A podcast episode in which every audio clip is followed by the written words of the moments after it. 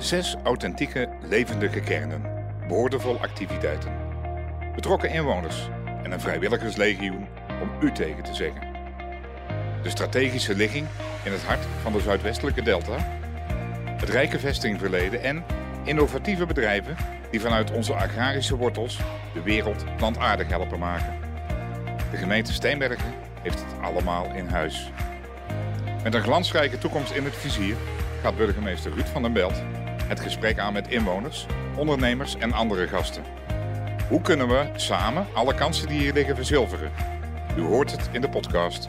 We hebben hier goud in handen.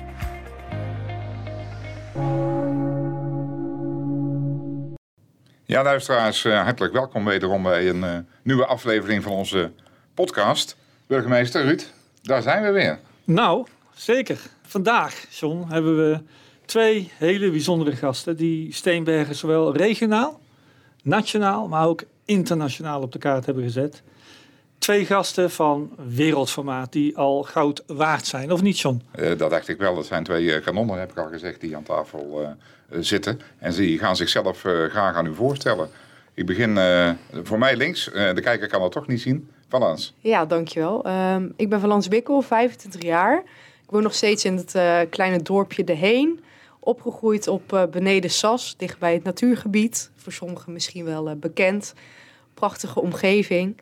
En ik doe uh, Kyokushin karate, een full contact vorm van uh, de Budo karate sport. Um, en daarnaast ben ik leefstijlcoach, ook mede in de gemeente Steenbergen.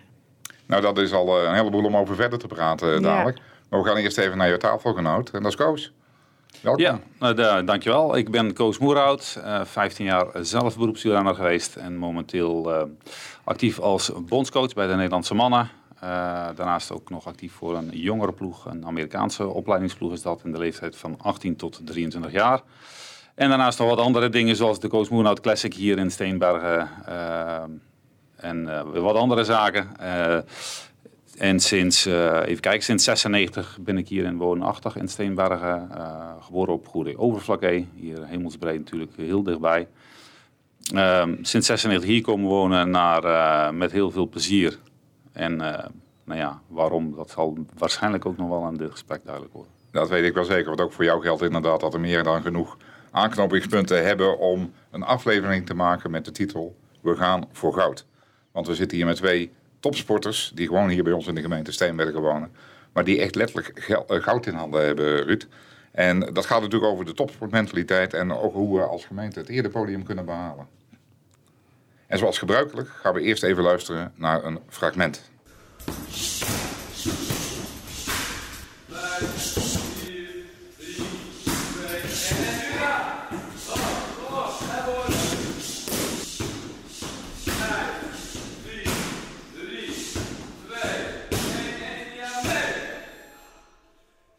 Weet je, ik sterf nog liever op de mat dan dat ik, uh, dat ik verlies.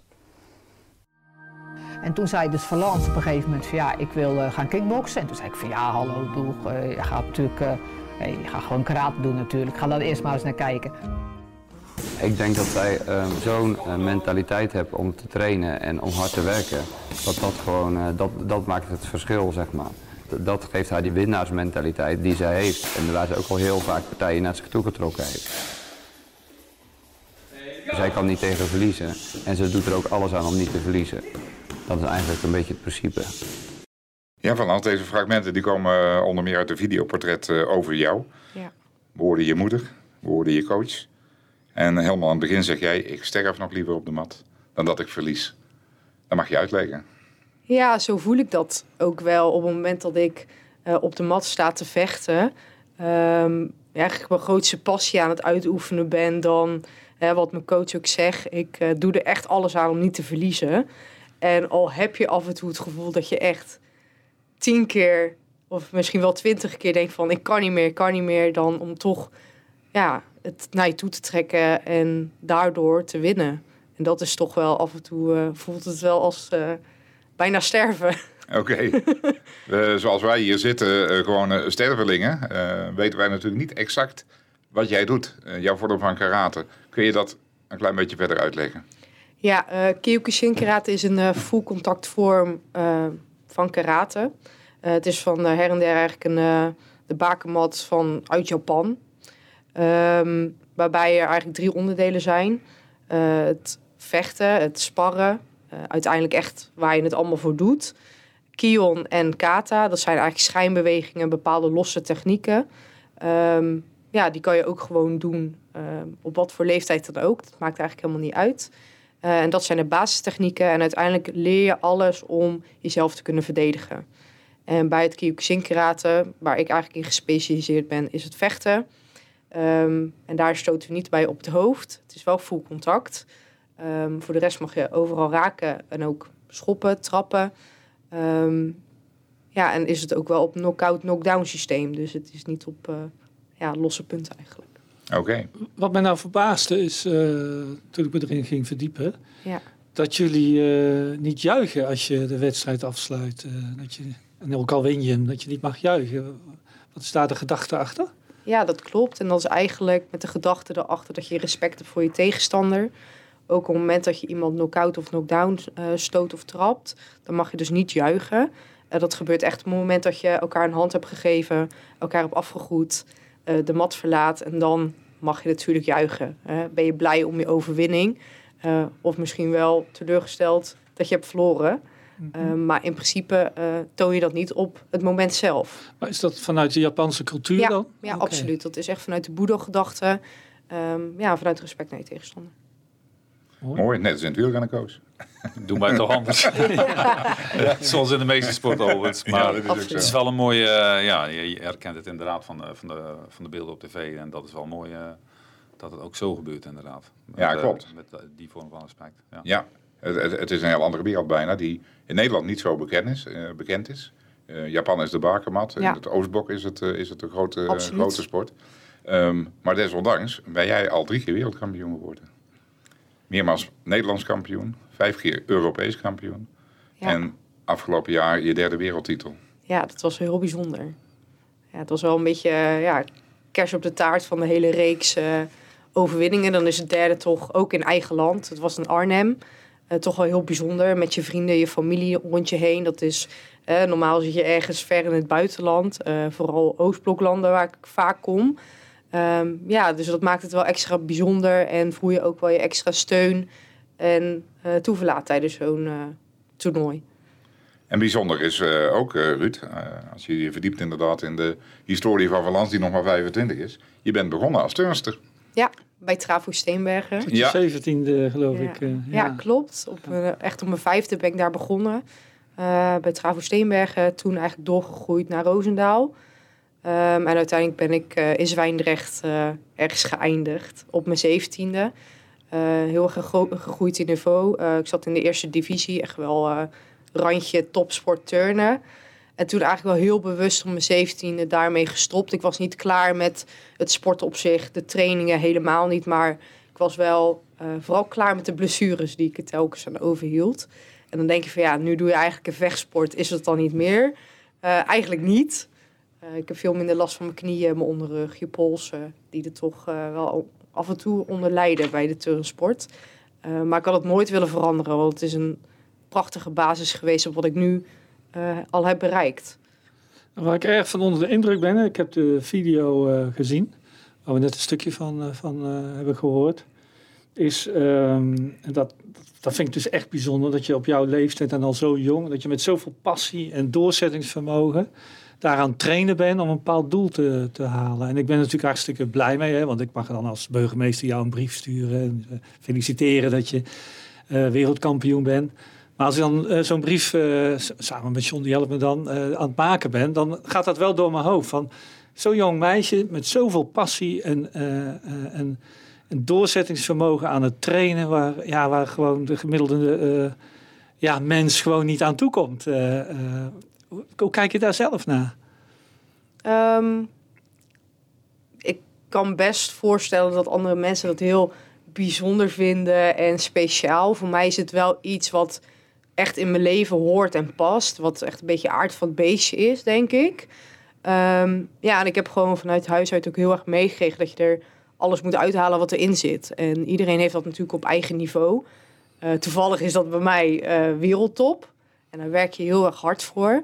Eh, maar het zit er wel gewoon echt ingebakken. Ik, ik wil niet anders. Eh, dit is waar ik elke dag voor opsta en voor naar bed ga. Ehm, dus ja, dat brengt je uiteindelijk ook wel eh, een stuk verder natuurlijk. Maar ik heb wel echt altijd meegekregen van... haal er op je eigen niveau gewoon alles uit. Het maakt niet uit wat het op sportgebied is, school, ondernemen. Ehm, ja, waar jij je passie in vindt. Maar alles uit. Ik bedoel, ehm, ja, het zijn heel veel mensen die trainen en die willen er alles uithalen. Maar wereldkampioen worden. En dan zou je denken, nou heb ik er alles uitgehaald. En dan ga je nog twee keer wereldkampioen worden. Hoe vaak ga je nog wereldkampioen worden? Ik hoop zo vaak mogelijk natuurlijk. ik, weet niet, ik weet niet waar de grens ligt. En dat is ook geen hele duidelijke grens. Voor mij gaat het niet per se om eh, de prestaties. Tuurlijk, dat is eigenlijk de bevestiging op het harde werken wat je ervoor doet. Eh, maar het gaat erom dat ik telkens mijn eigen grens verleg. En mijn eigen uitdaging vergroot. Ehm, dat vergroot uiteindelijk mij ook als mens. Dat, dat vind ik eigenlijk misschien nog wel belangrijker. En de prestatie is eigenlijk bevestiging erop. Nou, erg indrukwekkend eh, in ieder geval. eh niet, John? Jazeker, en volgens mij zelf nog nooit uh, knock-out gegaan. eh. Nee, en dan ga ik wel afkloppen. ja, dat, Nou, wij gaan de wedstrijd niet aan, want ik weet wat je doet als je verliest. nee, daarom zitten we zelf aan het begin. Wij gaan aan deze kant veilig op de tafel zitten. Precies. Koos, Maar wil- je, je- maar als ik nog even in mag Tuurlijk. maken. Je, eh, je, je noemde, John noemde net eh, een, een deel van jouw eerlijst op. Dat is er alleen om u tegen te zeggen. Is, dat, is dan 2023 ook jouw meest succesvolle jaar geweest tot nog toe? Ja, dat denk ik wel. Ehm, omdat het toch mijn derde wereldtitel eh, is. Ehm, was dat wel heel erg bijzonder. Ondanks dat ik dit jaar geen EK heb gehad, eh, was dit wel eigenlijk het belangrijkste jaar. Zo voelde ik dat ook echt. Ehm, mede ook wel omdat de concurrentie is ontzettend eh, gestegen. Vanuit Oostblok is het heel erg gegroeid. Ja, dan moet je het toch maar weer even waarmaken. Ja. Nou ja, het is, het is eigenlijk dat eigenlijk. Ja, je bent eh topsporter zo goed als je laatste wedstrijd, zeggen ze meestal. Ja. En, eh, en ja, je bent toch eh, steeds jong. Je hebt al een eerlijst van, eh, heb ik jou daar.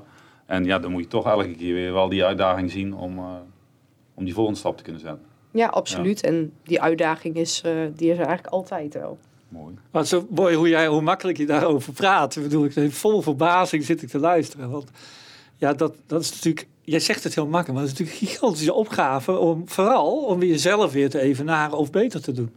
En ik heb, ik heb die film gezien. Nou, ja, ik hou er nog in drie minuten vol. Wat? Nog geen minuut wat jij daar eh, eventjes doet. eh. Dat snap ik ook heel goed hoor. Je keek me eens aan en je denkt, ja, ja nou begrijp ik het. ik, ik voel hier toch wel een uitdaging op. ja, ja, ja. We gaan door, John. We gaan, eh, we gaan zeker door. Eh Koos, wielrennen is ook afzien, hè? Zeker. Ja, Ja, eh, heel anders, heel anders als vechtsport natuurlijk, maar zeker afzien. Ja, daar weet jij alles van. Je hebt zeven keer meegedaan aan de Tour de France. Drie keer de Ronde van Italië. Voor mij ook zeven keer de Ronde van Spanje. En je weet wat winnen is. In meerdere etappekoersen heb je etappes gewonnen. En ja, ik denk dat heel veel mensen nog wel weten dat jij tot twee keer toe eh, Nederlands kampioen op de weg eh, werd. En aan die indrukwekkende carrière eh, kwam 13 jaar geleden alweer een einde op de wielerbaan in Ahoy. Daar gaan we heel even naar luisteren. Nog één keer vlammen, in Ahoy, de plek waar Koos Moerenhout verliefd werd op het wielrennen. Als klein jongetje kwam hij hier met zijn vader om naar het wielrennen te kijken. En op diezelfde plek neemt hij afscheid. Dus hier is wel mijn, mijn, eh, mijn, ja, mijn, mijn smaak naar het wielrennen toch wel een beetje gevormd. En als je dan, eh, ja, als je dan eh, hier zoveel jaren na dato zelf je afscheid mag vieren, dat kun je niet verzinnen en dat, dat is wel hartstikke mooi. Moerenhout was een alleskunner. Een superknecht, maar individueel ook ijzersterk. Zijn twee nationale titels op de weg zijn daar het bewijs van. En bij zo'n fenomeen hoort een prachtig afscheid. Een afscheid waar zelfs een nuchtere Moerenhout emotioneel van wordt. Dat stukje, dat mag je nou zelf vertellen. Wat er achteraan kwam. Eh, dat ik emotioneel werd? Of, eh? Nou ja, het afscheid van, van die carrière, zeg maar. Die daarna Eh, natuurlijk een prachtig vervolg heeft gekregen. Ja, nou, ik, ik, ik ben van mezelf vrij, vrij nuchter. En ik eh van overtuigd dat ik over het algemeen wel redelijk kalm blijf. Maar eh, als dan een, voor een vol Ahoy die fragmenten voorbij komen... en je kijkt eh, je familie aan die eh, die hele reis met jou hebben meegemaakt... dan, eh, ja, dan, dan maakt dat zeker wel iets los, ja, zeker. Met jouw dochter. Ereronde met je dochtertje. Ja. Ja, ja, ja, ja, dat, zijn, eh, ja dat zijn mooie dingen die, je- die je nooit meer vergeet. Klopt. Hoogtepunt uit jouw carrière voor jouw eigen gevoel? Ik denk toch wel de Nederlandse titel op de weg. Eh, tweemaal. De eerste keer was eh, echt een vervulling van een jongensdroom. Eh, dat was ook al in de tweede helft van mijn carrière. Ehm, waarin ik Nederlands kampioen werd. Eh, al eh, heel veel malen geprobeerd, maar het lukte net, net niet. En ik heb al... Ik was echt een kampioenschapsrenner die, die al veel bij de eerste tien had gereden, maar dat winnen, dat, dat ontbrak eraan. Dat lukte toen dus wel. en een, een, aantal jaren later nog een keer. En het zijn allebei verschillende titels waar ook allebei wel weer een heel verhaal aan vastzit. En dat, dat zijn wel de mooiste overwinningen, denk ik toch. Een Tour de France rijden, wij kijken daar allemaal naar op tv. Wat, wat doet dat met een, met een mens? Misschien die eerste keer zelfs? Ja, natuurlijk een wielrennen is een volledig andere sport. Tenminste, althans de tak die ik heb gedaan, volledig anders dan, dan wat uh, doet. Dat is mega intensief en ja, e-, explosief vooral.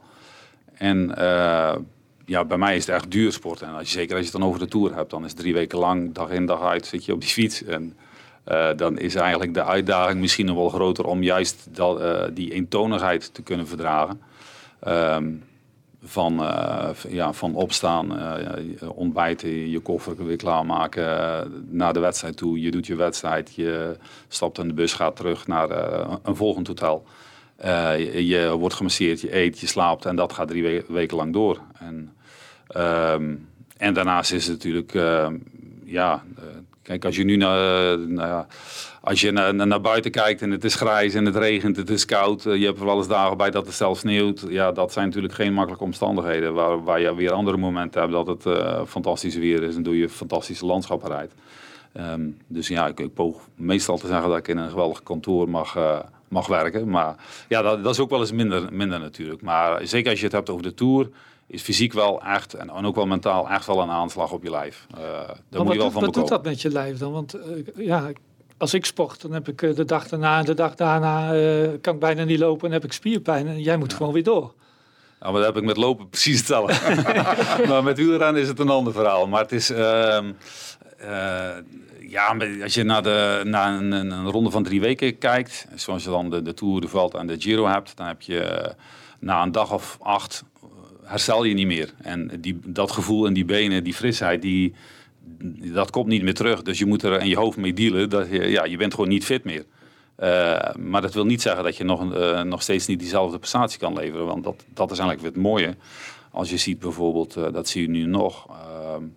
Ehm, soms komen renners uit een, een, uit een Tour de France. En die hebben dan eigenlijk alles aan hun. Zie je eigenlijk dat, dat, dat ze een bepaalde vermoeidheid hebben. En toch rijden ze harder dan hun collega's die niet die Tour de France hebben gereden op dat moment. En die wel fris zijn, maar niet, ja, dat lichaam heeft niet zo op zijn donder gehad, om het maar plat te zeggen. En, de, en weet daarmee om te gaan. En dat... Uh... Nou, nou heb je in die Tour, uh, ja, ik, ik, ik, heb niet zo heel veel verstand van wielersport, maar ik probeer het wel altijd te volgen. Maar je hebt helpers, knechten, en je hebt de, de, ja, de, de klassementrenners. Ja. Wat ik me nou afvraag van, in hoeverre ben je nou knecht als je de kans krijgt om te winnen? Ik bedoel, uh, ga je dan afremmen? Want uh, um, ja, de, de favoriet die moet uh, vooraan rijden. Hoe, hoe, hoe, hoe, moet ik dat zien? Nee, dat is wel echt een, een, een, een, verdeling die toch vaak wel op kwaliteit wordt gemaakt. Dus de kopman is dan toch vaak wel degene die dat niveau drie weken lang dag in dag uit kan, kan vasthouden. Waar Waar de, ja, tussen aanhalingstekens, knecht dat misschien twee weken wel kan, maar niet drie weken. Uh, of bijvoorbeeld heel goed is in het hoge bergte, maar weer niet compleet genoeg is op het vlakke. Nee, maar als je een etappe, ik bedoel halverwege de etappe, kom je vooraan te rijden. Je denkt, ik kan misschien die etappe wel pakken. Beslis je dan zelf van, nou ja, ik ga ervoor? Of krijg je een seintje van, nee, terug, of ga maar? ik heb alle scenario's al meegemaakt wat dat betreft. Oh. Ja, ja, Dus dat, ja, dat hangt echt een beetje van de, van de doel, de tactiek eigenlijk binnen die wedstrijd of voor die wedstrijd. En uh, um, ja, ik, ik, heb ook een keer gehad dat ik inderdaad. Uh, dat je dan via de oortjes te horen kreeg wat je moest doen. En ja, dat, dat pakte dan oftewel wel of niet goed voor jou uit. En, en, en over het algemeen viel dat prima mee. Maar het is ook wel eens een keer niet goed voor mij uitgepakt. Terwijl ik achteraf gezien die wedstrijd had kunnen winnen. Dus ja, daar baal je dan achteraf wel van. Um, en anderzijds is die, die tweede Nederlandse titel uh, ook weer bijvoorbeeld een mooi bewijs van dat je Ehm, ja, ik was ook een, renner die 90% van de tijd in dienst deed van een ander. Alleen ik, uh, het, verhaal achter die titel is dan eigenlijk weer dat ik vond dat ik heel uh, goed bezig was en dat ik het verdiende om mee te gaan naar de Tour. Wat een week na het Nederlands kampioenschap begint. En, maar net voor het Nederlands kampioenschap kreeg ik te horen dat ik niet werd geselecteerd. En ja, wat doe je dan? Hoe ga je daar dan mee om? Dat heb je dus laten zien. En ja, toen heb ik wel eventjes uh, besloten van uh, die, die, dag wint er maar één en dat ben ik. Ja, en dat, uh, en da dat het dan ook zo uitpakt, dat kun je eigenlijk van tevoren niet verzinnen natuurlijk. Dat vol bravoure intern ga je daar wel voor. Maar dat op zijn dag dan ook alles samenvalt, dat is wel bijzonder. En dan sta je daar op een gegeven moment echt inderdaad met dat goud in handen. Want dat is dan het ultieme doel natuurlijk om te bereiken als topsporter. En we luisteren eerst nog even naar een fragmentje van, van Lans daarover. En dan komen we weer bij Koos. Valent, om uh, met jou uh, te beginnen. Jij ja. probeerde vroeger als turnster zo sierlijk mogelijk van balk naar balk te gaan. En tegenwoordig is die sierlijkheid een beetje naar de achtergrond verdwenen. En schop je mensen zo hard als je kan. Maar wel om sportieve redenen. En je bent er goed in, want je bent uh, op je 25ste voor de derde keer wereldkampioen Kyokushin. Een vorm van karate geworden. En uh, daarom ben je hier ook. Van ons welkom en gefeliciteerd. Ja, dankjewel. Wat zijn momenten uh, dat de emotie er wel uitkomt? Daarna eigenlijk gelijk. He, je stapt de mat af. Ik was ook in Arnhem, ik was zo opgelucht. Het is een thuiswedstrijd. Uh, je hebt een keer al je vrienden, je familie rond je heen. Dat is echt De laatste keer dat je wereldkampioen Ja, ja. En dan is het toch de derde keer. Um, ja, en als het dan lukt, dan is echt alles helemaal rond. Dus ik stond daar en dan weet je, de, de scheidsrechtersbeslissing komt meteen. Um, je kijkt rond je heen. Ja, dan valt er eigenlijk bijna een soort last van je schouders af. Je denkt, het is, het is gewoon gelukt. Valans, je was de gast bij uh, NOS Langs de Lijn en uh, omstreken. Ja. Op een avond uh, dat uh, Feyenoord moest voetballen en rapper sneller. Ja, dat weet ik uh, nog heel goed. Alleen voetbal aan het kijken was. voetbal aan het kijken was. Maar jij ging onverstoorbaar door en je had goede interviewers. Want er was een heel mooi interview waar dit maar een klein stukje van, van was. je zei al inderdaad, het was voor mij een hele speciale titel. Ja. Maar je hebt meerdere gouden medailles meegebracht. kun je daar iets over vertellen? Ja, zeker. Um, eigenlijk de, degene die rechts van mij ligt... Um, is van mijn eerste wereldtitel. In Kazachstan was dat, 2018. Uh, daar ging ik zo onbezonnen in. Eigenlijk gewoon helemaal nieuw van ja, ik weet niet zo goed wat mijn kansen zijn. En misschien ook wel die onbezonnenheid en die nuchterheid heeft me ook wel op dat moment zo ver gebracht. Dus dat was eigenlijk een heel, hele verrassende eerste wereldtitel. En dat maakte het ook wel extra mooi. Hem... Ja, ik wil voelen wat het is hè, om goud in handen te hebben. Ja. Hij is vierkant, hè? Ja, ja, en de tweede die ik uh, bij heb is van mijn tweede wereldtitel in Krakau 2021. Um, ik heb denk ik nog nooit zo goed gevochten als toen. En daarom is het voor mij ook wel heel bijzonder. Uh, omdat ik, ik zat er zo goed in. En zeker mijn finale partij heb ik, ondanks de druk en de dag later... Soms vecht je op één dag, soms verdeeld over twee dagen. Um, en die tweede dag was, echt, was ik echt heel goed in mijn doen. En dus dat was wel uh, heel bijzonder, die tweede titel. Ik geef hem even door. En van mijn uh, derde, laatste wereldtitel heb ik geen medaille. Dat is alleen een grandioze beker. Dus dat heb ik jullie niet aangedaan om die uh, mee te nemen. Um, maar dat is wel eentje die, die apart staat van de rest van de bekers, zal ik zo maar zeggen. Nou, Verlaans, kijk eens. We hebben hier goud in handen. Ja, letterlijk. Letterlijk. ja. Fantastisch. Ja, heel mooi. Maar ze zijn nog niet eens zo heel erg zwaar. Nee, ik dacht dat ze nog veel zwaarder waren. Ja, dat, dit geluid, hè, dat... Uh, ja. Normaal gesproken zeggen we, doe voorzichtig met de kopjes op tafel zetten. Ja, maar, maar, dit, uh, maar dit, uh, dit, mag. Dit mag. Maar, maar dit mag. Uh, Koos, um, jij hebt ook een aantal medailles bij, los van jou inderdaad, jouw kampioensterrein. Welke ja. zijn dat? Ja, ze steken een beetje schril af tegen die van Valens. Dat zijn de klassiekers. Ja, het zijn eigenlijk de klassieke uh, gouden medailles. En uh, ja, die zijn allebei van Nederlands kampioenschap. Um, eentje van 2007 en 2009. En um, ja, uh, op, op zich, het, het, het, is het resultaat van. Dus mij zeggen die medailles zelf eigenlijk niet zo heel veel. Uh, maar het, ja, wat je op zo'n dag beleeft en de herinnering die je daaraan overhoudt, dat is, uh, dat is eigenlijk hetgeen waar je het voor doet. Is voor een wielrenner de trui belangrijker dan de medaille? voor een wielrenner wel, ja. Het is, het is, ja, wij hebben echt een truiencultuur Ja. in het wielrennen. Met de gele trui in de Tour. En eh, ja, zo heeft de Vuelta een trui. En Mhm. de Ronde van Italië natuurlijk de, de roze trui. Ehm, de regenboogtrui voor de wereldkampioen. En dan inderdaad de rood-blauwe trui voor, eh, voor de Nederlands kampioen. En ehm, ja, dat is zeker wel... eh, eh, dat leeft enorm. Ook als ik naar mezelf kijk. Ik, ik werd toen ik klein was eigenlijk een beetje enthousiast gemaakt. A, door mijn vader. Maar eh, B ook, het was de gouden periode van het Nederlandse wielrennen. Met het Tirelli-tijdperk. Met Gerry Kneteman, Joop Zoetemelk, Henny Kuiper. Eh, onder andere Johan van der Velde. En, en ik kan me nog goed herinneren dat Johan, Johan van der Velde in die rood-blauwe trui reed. En dat vond ik geweldig. Dus dat wilde ik later ook ooit eh, doen. Eh, nou ja, goed, dat duurde maar en dat duurde maar en dat duurde maar. En uiteindelijk kwam het er dan gelukkig toch van. En eh, zeker in mijn rol, omdat ik eh, meestal een ondersteunende renner was. En, en je daardoor wat minder snel opvalt dan de kopman. eh, ja, op het moment dat ik die trui aantrok, eh, ik kan me nog goed herinneren, die eerste wedstrijd dat ik daarmee reed. En ik kwam uit de bus stappen richting het eh, tekenblad. eh, dat ik me zo wat naakt vo- voelde bekeken, zo weet je wel. Ineens was je een blikvanger. En dat komt dan alleen maar door die trui. En het feit dat je het werk wat je voor de ploeg doet, wordt, je, ja, wordt wel beter gezien als je die trui aan hebt. Dat is wel, dat, is wel gebleken. Daar zou ook rekening met je natuurlijk in zo'n peloton. als je die trui... Ja, dat. eh, commentatoren halen je er sneller uit. Familie, fans, die Ja. zien je sneller. Dus dat, eh, dat scheelt enorm. Als je nou thuis een prijzenkast hebt, heb je dan eerder de medaille in je prijzenkast hangen of de trui? Ehm, nee, ik heb alles op een kamertje op, in, op, eh, op zolder liggen. Prijzenkamer. Eh, ja, ah, ja, nou je zou het de prijzenkamer kunnen noemen, maar het is echt een, eh, een rommelhok. En, ehm, maar dan zou ik toch wel inderdaad gaan voor de ja. Oké. ja. Je, hoort, eh, ja, je hoort vaak eh, sporters ook nog wel zeggen. eh, ik kan mijn medaille nergens meer vinden. Als leek kan ik me dat slecht voorstellen. Maar dat, eh, jij geeft er een heel klein beetje aan hoe dat komt misschien. Het is meer het moment waar- waarvan je denk ik geniet. En, eh van As? Ja, dat is zeker zo. Ja, Ja, ik eh, moet ook eerlijk zeggen dat met al die grandioze bekers op een gegeven moment houdt het gewoon op qua plek. ja. Ja. Ook- En de kast is, de kast is te Kom ik klein. nu wel weer een beetje, eh, kom ik, loop er tegenaan. Nee, het gaat echt op een moment zelf. Hè. Wat ik net al zei, uiteindelijk gaat het niet... Het gaat wel om de prestatie die je levert. Maar hoe je daar komt is voor mij nog eh, veel waardevoller. En ook het gevoel, denk ik, wat je dan voelt. Want dat kan je denk ik niet beschrijven als je dat zelf nooit gevoeld hebt.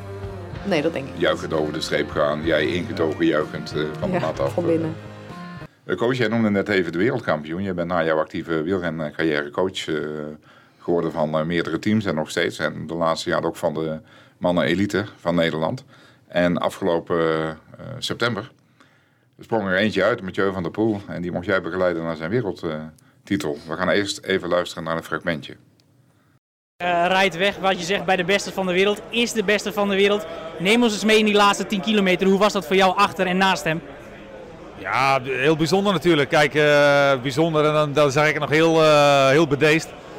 Ehm, ik ben eh, nou, eigenlijk niet zo heel erg emotioneel, maar ik zat toch wel eh, met tranen in mijn ogen.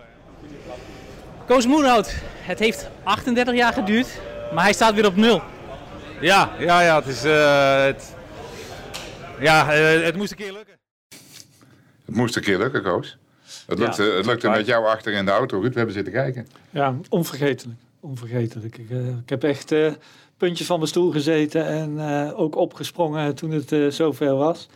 En wat grappig is, in mijn enthousiasme heb ik jou meteen een appje gestuurd. Toen, toen, toen reed je nog in de auto naast eh eh, Mathieu. Toen moest hij nog over de, Ja. over de finish. En eh, ging je zo uit dat raam en had je een ge- gesprekje met hem. Ja. En toen ging ik hem een appje sturen met de gedachte van... Oh, die ziet hij vast wel.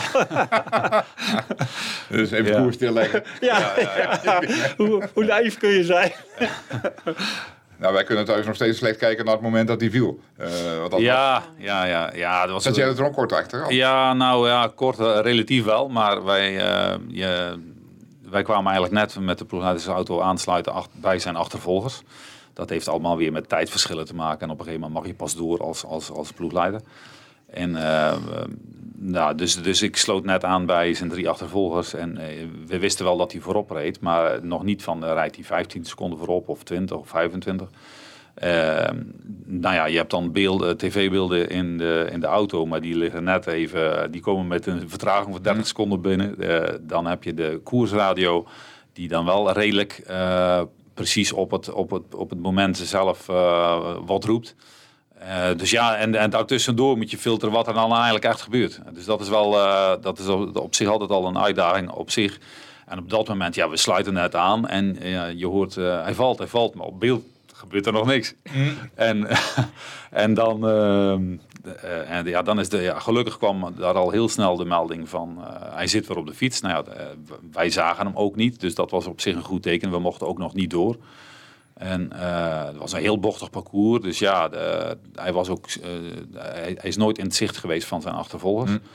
En daarna kwam de eerste tijdsmelding weer al 20 seconden. Dat werd 30 seconden, 40 seconden. En uh, ja, vanaf dat moment mochten we, na 5 seconden mochten we zo'n beetje uh, door en achter hem gaan rijden. En uh, ja, dan, dan zie je wel dat de beste voorop rijdt. Ja. En kun je die twee dingen met elkaar vergelijken? Zelf kampioen worden en iemand op deze manier ja, dat kun je heel makkelijk met elkaar vergelijken. Je, je zit daar als begeleider veel uh, intenser in. Hm. Het is, uh, voor jezelf heb je de controle en dan ben je gewoon heel gefocust met, uh, waar, je mee bezig bent, met waar je mee bezig bent. Daar ben je mee bezig en met niks meer. En, en ja, als achtervolger dan zit je nog aan alles te denken eigenlijk. En, en zeker die laatste halve ronde was wel echt heel erg intens. Omdat je op het moment dat wij naar voren mochten naar hem toe... dan rij je Pedersen voorbij, Pogacar voorbij, eh, Wout van Aert voorbij. Dat zijn allemaal ja, wereldtoppers. En op het moment dat jij voorbij rijdt, weet je ook dat je ze mentaal ook nog even een tikje meegeeft. Mm. Want op het moment dat jij voorbij rijdt, weten zij, oké, de, de tijdverschil is nu meer dan een minuut. Dat komt niet meer goed in die laatste Ja, daar sta je ook bewust bij stil. daar, daar, daar, daar waren, Ik zat in de auto met een mechanicien en daar waren wij heel erg van bewust. Die zaten met een big smile en die mannen voorbij. Wrijven te waarin. Ja, ja, ja. En, uh, respect voor de deken. Ja, ja, ja, ja, Dus dat was... Uh, ja. sport, hè? Kijk, Zou ik, precies hetzelfde Ja, nou, ze hebben het wellicht niet gezien, maar wij hebben het absoluut zo ervaren. En uh, ja, op het moment dat je dan achter hem komt rijden, tussen die mensenmassa door. Uh, voor hem was de wedstrijd op dat moment ook uh, ja, in de pocket. En uh, ja, die laatste vijf kilometer kon hij ook gewoon genieten van het publiek en van, het, ja, van die historie die hij die, die op dat moment ook was geschreven. Ja, zeker. En als je daar dan achter zit en dat ziet gebeuren, ja, dan heb je wel kippenvel. Ja, absoluut. Ja. Van heb jij dat gezien of later teruggezien? Ik heb wel later teruggezien, okay. ja, absoluut. Ik volg echt wel veel sporten. Ja, dan als je zelf zo in een topsportcultuur leeft, dan vind je het ook mooi wat andere sporters presteren en zien en wat daar allemaal omheen draait. Maar om het zo nog te horen en echt die andere kant van de beleving hè, vanuit de, uh, de coach zelf, dan, dat is toch wel extra bijzonder. We hebben het ook over verschillen in uh, exposure inderdaad van zo'n WK wat iedereen gezien hebt, uh, heeft. Ten opzichte van inderdaad de prestaties die jij levert, die wat minder in het zicht zijn. Eh, zoals er eind van het jaar ook een uh, sportgala, uh, Nederlands sportgala. Coach, jij hebt daar de prijs voor Monsieur van der Poel als sportman van het jaar opgehaald. Uh, Vannes, jij stond in de Volkskrant met een interview met vier wereldkampioenen die niet in de spotlights stonden. Nee. We luisteren even naar een stukje uit dat interview. Ja. Het is jammer dat er weinig aandacht is voor deze sport. Je zoekt waardering voor je prestaties. Vroeger deed ik bescheiden over mijn resultaten maar nu durf ik echt te zeggen dat ik wat heb bereikt. In Arnhem haalde ik mijn derde wereldtitel. Ik ben vijfvoudig Europees kampioen. Ik doe en laat er alles voor. Ik werk 32 uur als leefstijlcoach en ik schat dat ik eenzelfde aantal uren train. Ik verdien er niks mee. Ik doe het allemaal uit passie en liefde voor de sport. Als ik steun zoek, willen mogelijke sponsoren meteen weten of ik op tv kom of in een programma zit. Eh, nee dus. Dan sta ik snel weer buiten. Het is een harde sport. Maar als je na een prachtige wedstrijd gewoon maandag weer achter een bureau gaat zitten om te werken, komt dat ook wel aan. Van Hans, zo te horen gaat het bij jou niet om beroemd worden of rijk worden met jouw sport. Vertel. Nee, ik uh, ben altijd begonnen met, uh, met eerste passie en wat daarna volgt. Uh, dat is leuk, maar niet echt waar het om draait. En de bekendheid heeft het nooit gehad en heeft het eigenlijk nog steeds heel erg weinig. Eh, ik verdien er ook niks mee, dus eh, ik hoef het ook niet voor het geld te doen. Dus het is eh, echt vanuit liefde en passie voor de sport ook geboren, ja. Ja. Nou, ik, hoop dan in ieder geval dat deze podcast bijdraagt dat de sponsoren straks bij jou op de deur staan te kloppen. Ja, wie weet. Ja, uit de Volkskrant is er ook een naar voren gekomen. Dus dat is wel een bevestiging op het verhaal dat het toch helpt. Ja, nou, laten we daar dan in ieder geval op hopen dat de podcast ook een bijdrage kan leveren. Jazeker, want we willen het er even over hebben. Inderdaad, wat drijft je, wat inspireert je om eh, te doen wat je doet voor jezelf, voor je eigen sport, maar ook voor onze eh, gemeenschap. Eh, want jij bent topsporter, maar je bent ook leefstijlcoach, ondernemer in de sport. Eigenlijk doe je al dat, dat sporten, dat vele trainen, doe je gewoon daarnaast in je vrije tijd. Ja, het is wel ook een rode draad in mijn leven. Eigenlijk draai ik ook gewoon mee in de normale ja, maatschappij als gewoon werknemer. Ik werk 32 uur als leefstijlcoach. Ook indirect voor de gemeente Steenbergen. Ja. Dus dat is ook gelijk de link daar naartoe. Ehm, Ik ben ook in contact met de inwoners van de gemeente Steenbergen. Eh, dus eigenlijk sta ik middenin. Jij geeft daar ook bij aan, daar hebben we van tevoren even over gehad.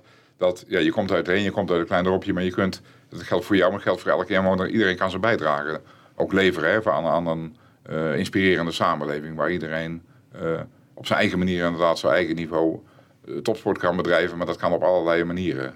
Ja, absoluut. Ik denk ook als je kijkt naar de sportverenigingen hier, van recreatief tot gewoon een, eh, een lekker niveautje, dat iedereen eh, mee kan daarin en iedereen zijn eigen passie daarin vindt. Ehm, en dat maakt niet uit of dat natuurlijk op sportgebied is of op ondernemersgebied met alle bedrijven die we hier hebben. Koos, hoe zit jij eh, in die wedstrijd? Ehm, nou, dan denk ik eigenlijk even aan een, eh, aan een foto die ik op mijn eh, LinkedIn-pagina heb staan. En sorry voor de reclame maken voor LinkedIn in deze, maar eh, het, het, het schiet me even te binnen. En daarin staat een, een foto van een trainingskamp van jaren terug al met Amerikaanse ploeg toen de tijd. En, ehm, eh, en we, we waren in Hellsburg, daar in Sonoma Wine Country, daar in die hoek. Ehm, dus net onder San Francisco. En daar, eh, daar, er was een, een, ik zag een bord Share the Road. En, eh, en dat had dus te maken met het, eh, het, het verkeer. Dus fietsers en, en auto's. En dat vond ik wel een hele mooie. In de zin die je veel breder kunt trekken naar alle, alles wat er in de maatschappij natuurlijk ook, ook gebeurt. Ja, samen sta je sterker en je moet, moet elkaar wat willen gunnen. En eh, ook als je bijvoorbeeld kijkt naar eh, ja, dingen als bijvoorbeeld agressie in de samenleving, agressie in het verkeer. Eh, ja, je mag nooit vergeten dat bijvoorbeeld als je agressief bent om, de- om een wielrenner omdat hij een of andere domme actie in het verkeer doet. Die, die wielrenner is wel een, een, een vader, een zoon, een broer, een vriend of, of wie dan ook. En, en niet alleen zomaar een wielrenner eh, of een automobilist die, die jou misschien een keer afsnijdt. Dat misschien helemaal niet zo bedoeld, maar waardoor al eh, lontjes weer al eh, tekort zijn in, in, in de wereld. En ja, ik denk dat we dat vooral niet moeten vergeten. Dat, ja, dat er niet is als zomaar die, die, die. Het is, dat is een mens en die, die is een vader van of een dochter, een dochter van of weet ik veel.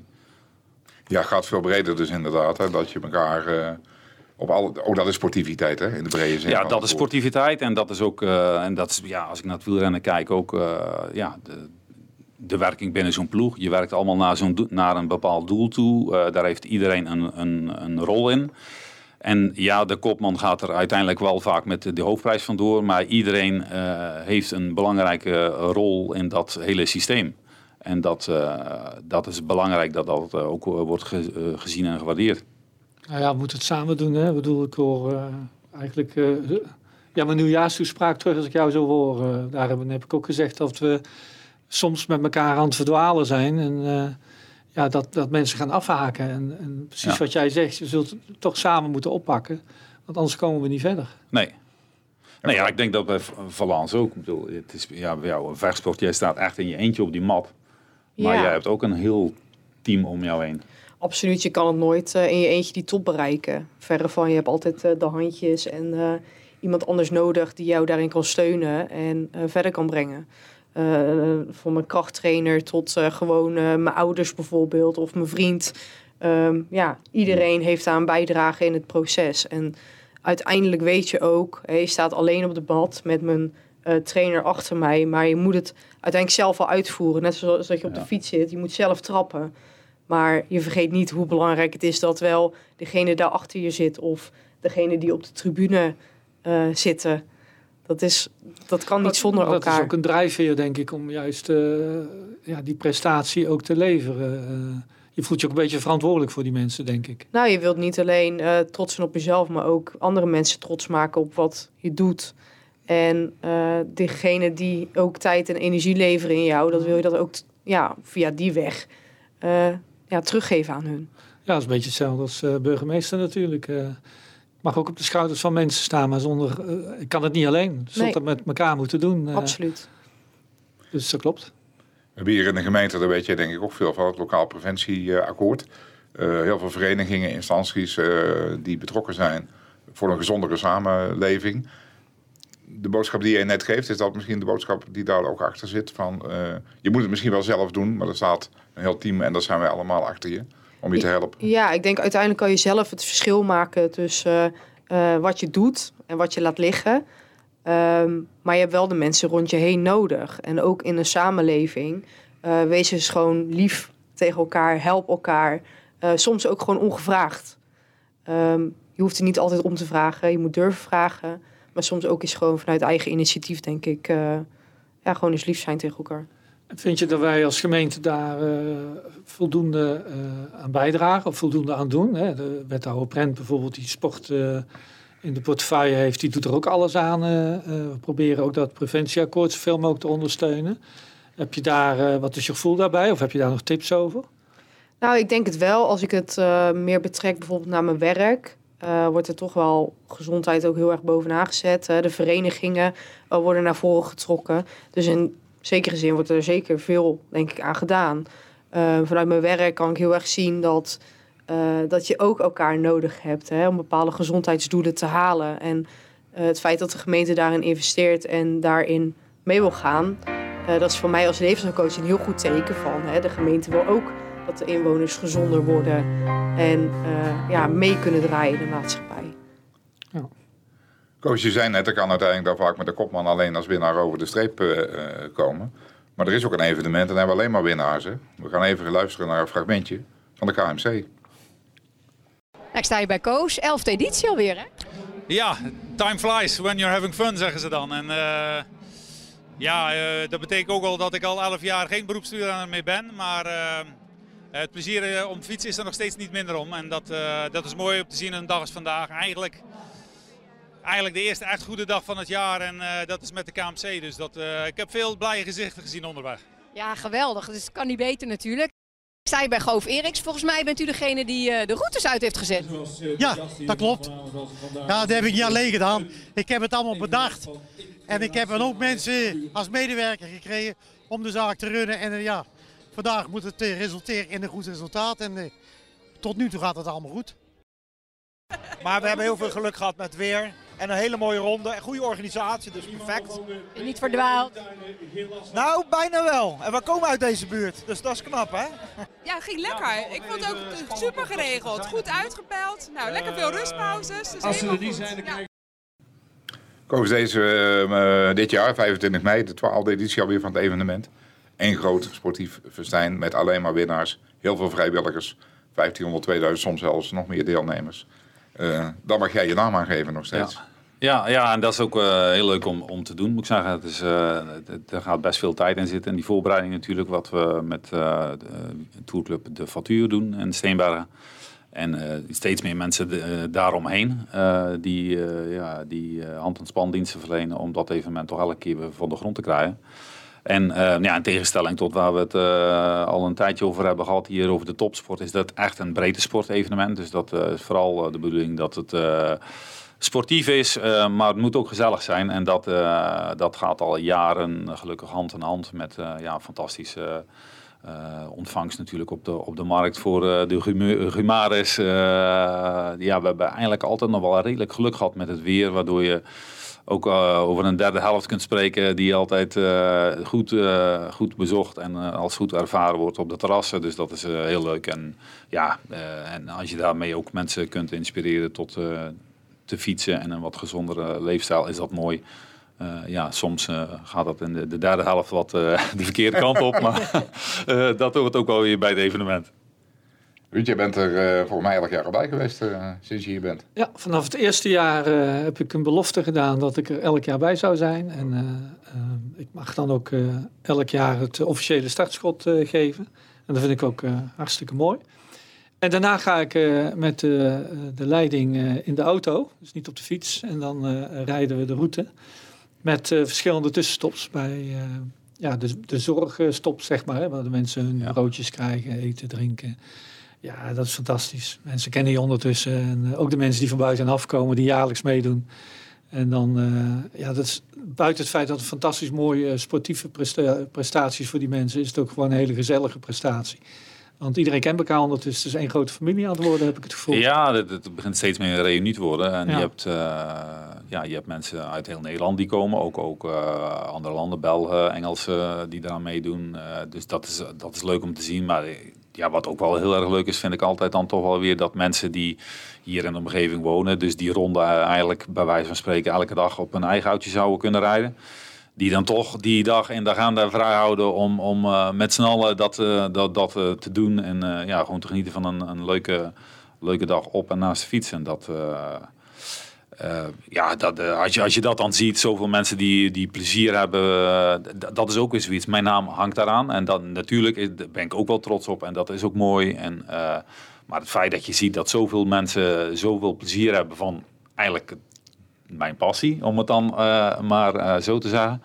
En eh, het feit dat je met een groep mensen een leuke dag eh, voorschotelt aan die mensen, dan eh, ja, daar geniet ik echt van. Dat is Ja, echt maar ik hoor ook wel heel veel van mensen dat ze juist ook meedoen omdat het altijd echt goed georganiseerd is. Dat geeft mensen ook echt wel een goed gevoel. en dat mag gezegd worden, want als je kijkt hoeveel vrijwilligers zich daarvoor Ja. inzetten en eh, alle posten waar ze stoppen, er staan altijd genoeg mensen met genoeg eten en genoeg drinken en alles wat nodig is. Er rijdt een eh, team rond om de lekker band te maken op het moment dat het nodig is. Ehm, ja, ik ben daar erg van onder de indruk. en ik dus niet alleen, want het is wat John zegt. Afgelopen keer hadden we 1300 eh, de- eh, deelnemers. En eh, we hebben wel eens meer gehad, eh 1500 denk ik. of Zo. Ja, no- nog meer. Dat was een hele. Dat was een, een, een, eh, ja, dat- je bent natuurlijk met een buiten-evenement altijd een beetje afhankelijk van het weer natuurlijk. Hoewel dat je daar ook daar de klok niet op gelijk kunt zetten. Nou, Soms- wind, wind is er altijd. Wind is er altijd. en we hebben ook wel eens een keer eh, gehad dat. Ja, je hebt, eh, we werken eigenlijk met voorinschrijvers. Om dan, en op die manier krijg je natuurlijk een beetje een beter beeld van eh, hoeveel mensen er op je, op je afkomen. Ehm, maar de praktijk leert ook wel dat, eh, dat er bijna de, ja, evenveel bijschrijvers Ja. op de dag zelf zijn. En nou ja, van die groep verwacht je niet dat ze komen als bijvoorbeeld de week ervoor een hele week slecht weer op wordt gegeven. En dan toch komen er nog steeds een heleboel mensen die dan toch weer bijschrijven op zo'n dag. En dat, dat is wel bijzonder. Ja. Nou, het is ook mooi, want het komt allemaal samen op de markt uiteindelijk. Ja. En dan, eh, ja, of het nou soep is of, eh, of iets anders, eh, het verbindt meteen. Hè? Iedereen gaat bij elkaar zitten, iedereen ja, praat met elkaar. dus ja, het is echt een mooi verbindend en sportief evenement. Ja. Waar we best trots mogen zijn dat we die hier in Steenbergen hebben. En eh, zeker met eh, gebruik van jouw naam, dat helpt natuurlijk altijd. En eh, Ruud, en dat brengt ons bij eh, de volgende vraag. Ja, betere promotie voor Steenbergen kunnen we natuurlijk eigenlijk niet hebben. Want we willen Steenbergen graag op de kaart zetten. En het goud wat we hier in handen hebben nog eh, beter onder de aandacht eh, brengen. Hebben jullie daar nog tips voor? Los van de dingen die jullie al voor ons doen als ambassadeurs. Nou ja, als ik hem af mag trappen, dan, eh, dan hou ik het heel dichtbij bij het, bij het fietsen. En dat, ja, ik, ik, zoals ik al zei, eh, de- in 96 ben ik hier komen wonen. En het is hier, eh, het is hier fantastisch. ja, dat, ja, het is een hele... Komt ja, voor? ja, het, is, hier- het is misschien een hele bezopen slogan, maar het, het, het is wel gewoon zo. Als je, als je fietsen leuk vindt, dan zit je hier heel erg goed. Want het is eh, redelijk overzichtelijk. Eh, lees fi- fiets veilig.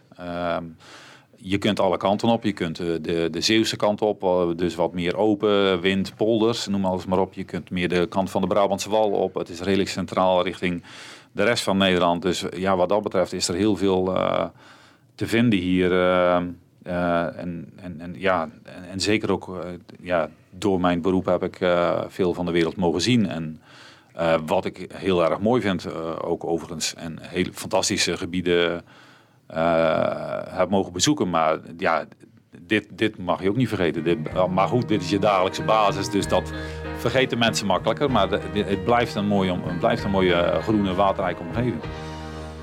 Dat hebben we laatst ook op eh, tv gezien eh, in de Ronde van Spanje, Ruud.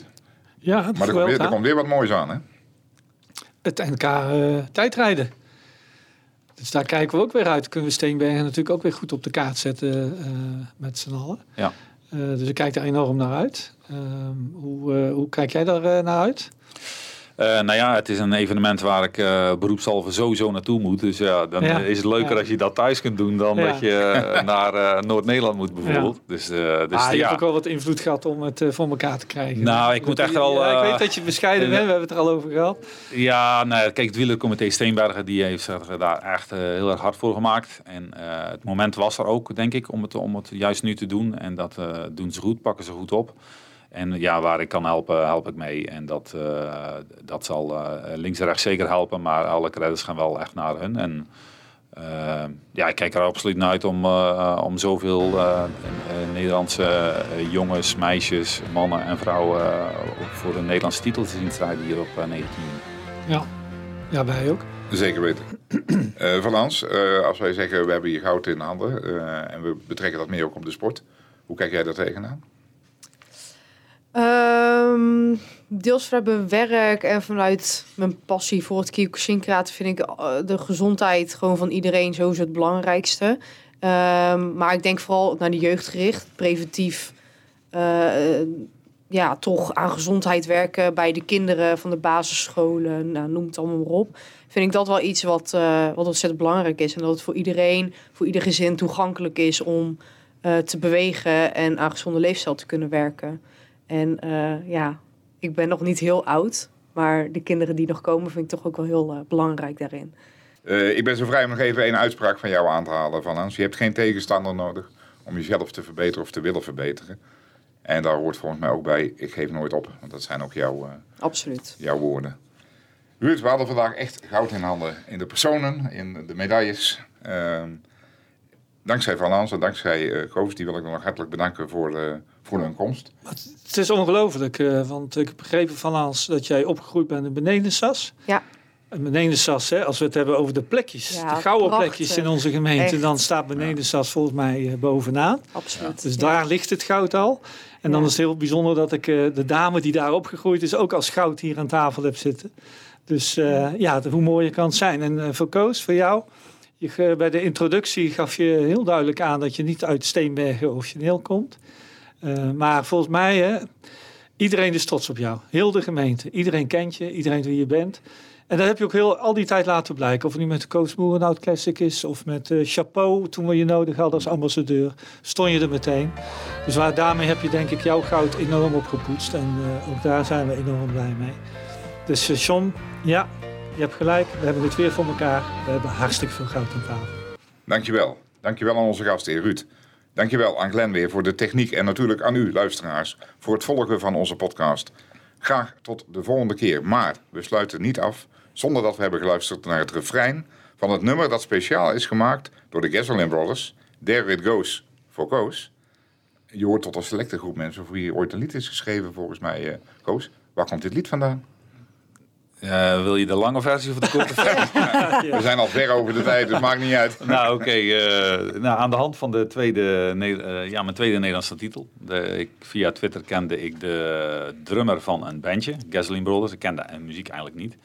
Maar via Twitter met elkaar in contact gekomen. En hij was een echte gepassioneerde wielervolger ook. En ik zat al in de nadagen van mijn wielercarrière. En hij riep zoiets net voor het Nederlands kampioenschap. Ha, de Nederlands kampioen worden word je toch, nooit, toch niet meer. Dus ik durf het weddenschap wel aan. Wij maken voor jou een liedje als je kampioen wordt. Nou ja, uh, hier ligt die trui. Dus dat is gelukt. En toen moesten zij aan de slag. En daar is dit nummer uit voortgekomen. Fantastisch. Ik ga geen wetenschap aan met jou. We gaan luisteren. Dank jullie wel.